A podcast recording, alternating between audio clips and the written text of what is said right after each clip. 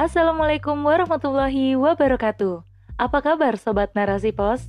Kembali lagi bersama saya Giriani di podcast Narasi Pos. Kali ini dengan rubrik surat pembaca. Narasipos.com Cerdas dalam literasi media, bijak menangkap peristiwa kunci.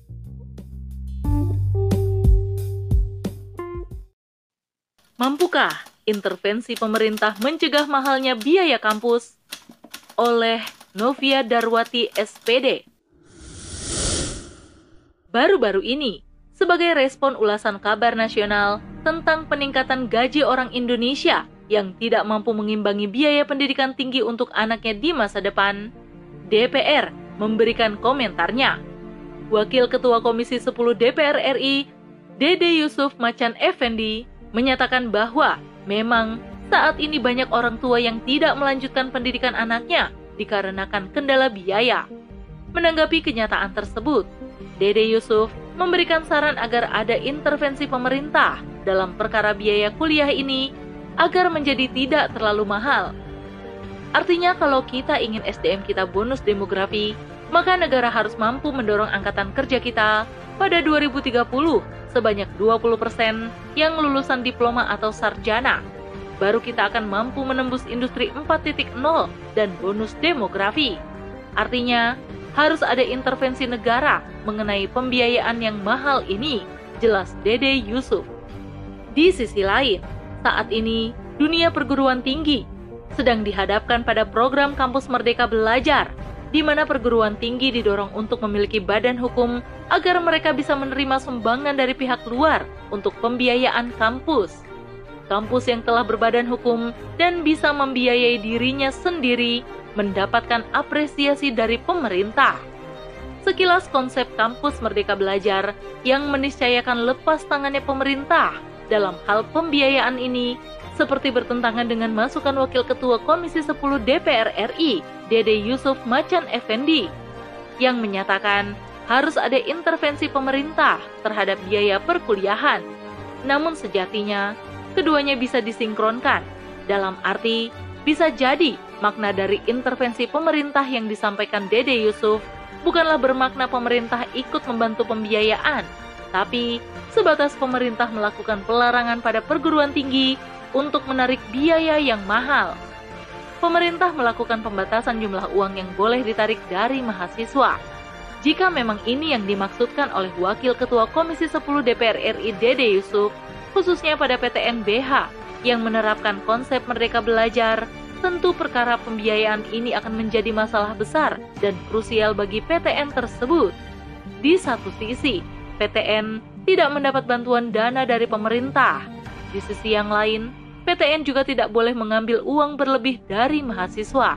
Maka, satu-satunya jalan yang bisa dilakukan adalah menggencarkan penggalangan dana dari swasta serta mengkomersialisasi apa-apa yang dimiliki oleh perguruan tinggi yang bisa dikomersialisasikan. Dengan demikian, akan membuat kampus semakin sibuk dengan perkara pembiayaan, tidak lagi berfokus pada tugas utamanya, yakni pendidikan. Padahal saat ini saja, dengan adanya kampus Merdeka Belajar pada sebagian perguruan tinggi, tanpa adanya batasan tertentu dalam penarikan biaya pendidikan dari para mahasiswa, kampus sudah sangat disibukkan untuk mencari sumber dana. Apalagi jika ada pembatasan, meski bisa berdampak negatif pada kampus, bukankah jika memang terjadi pembatasan penarikan dana pada mahasiswa bisa menguntungkan mahasiswa? Menguntungkan mahasiswa di masalah pembiayaan namun tidak di masalah yang lain, seperti mendapatkan perhatian yang utuh dari pihak kampus dan dosen terkait pendidikan yang ia dapatkan. Solusi yang tidak solutif, solusi yang menghasilkan masalah baru. Bagaimana jika makna dari intervensi pemerintah berarti pemerintah membantu pembiayaan kampus?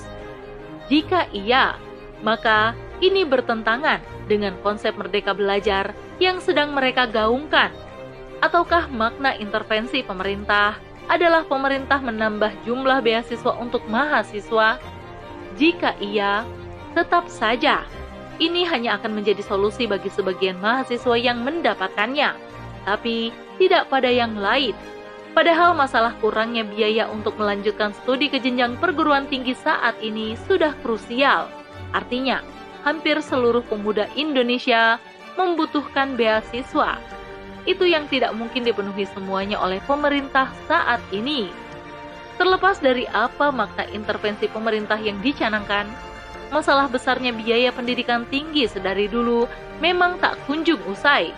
Padahal, jika mau menelik sejarah masa lalu, telah ada contoh nyata perguruan-perguruan tinggi yang memiliki kualitas pendidikan sangat bagus dengan biaya pendidikan yang begitu minim. Sejarah mencatat Baghdad, Istanbul, atau Cordova. Di bawah sistem pemerintahan Islam pernah menjadi sentra pendidikan dunia dengan kualitas pendidikan yang bagus dan penarikan dana yang minim kepada masyarakat.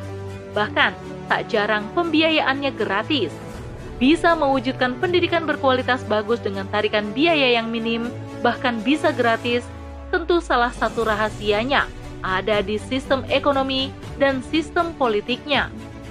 Dalam sistem pemerintahan Islam yang biasa disebut dengan khilafah, semua sektor menggunakan aturan Islam, termasuk ekonomi dan politik. Pembiayaan pendidikan dalam khilafah diambil dari Baitul Mal, Salah satunya dari pos milkiah ammah atau kepemilikan umum. Milkiah ammah ini contohnya seperti sumber daya alam atau SDA. Segala macam sumber daya alam, mulai dari minyak, batu bara, tambang emas, dan lain-lain, masuk kategori milkiah ammah yang berarti pengelolaannya diurus oleh negara dan hasilnya dikembalikan kepada rakyat. Selain itu, milkiah amah juga berarti segala macam hal yang masuk di kategori tersebut tidak boleh dijual ataupun dikontrakan atau dikelola oleh pihak asing. Negara khilafah tidak menjadikan dirinya sebagai regulator antara rakyat dengan korporasi atau swasta. Sistem pemerintahan Islam menempatkan negara sebagai pengurus urusan rakyat, sehingga yang dilakukan bukanlah intervensi pada pihak kampus, melainkan memberikan pembiayaan pada kampus agar bisa melaksanakan tugasnya dengan benar tanpa disibukkan untuk mencari dana. Wallahu a'lam bishawab. Wassalamualaikum warahmatullahi wabarakatuh.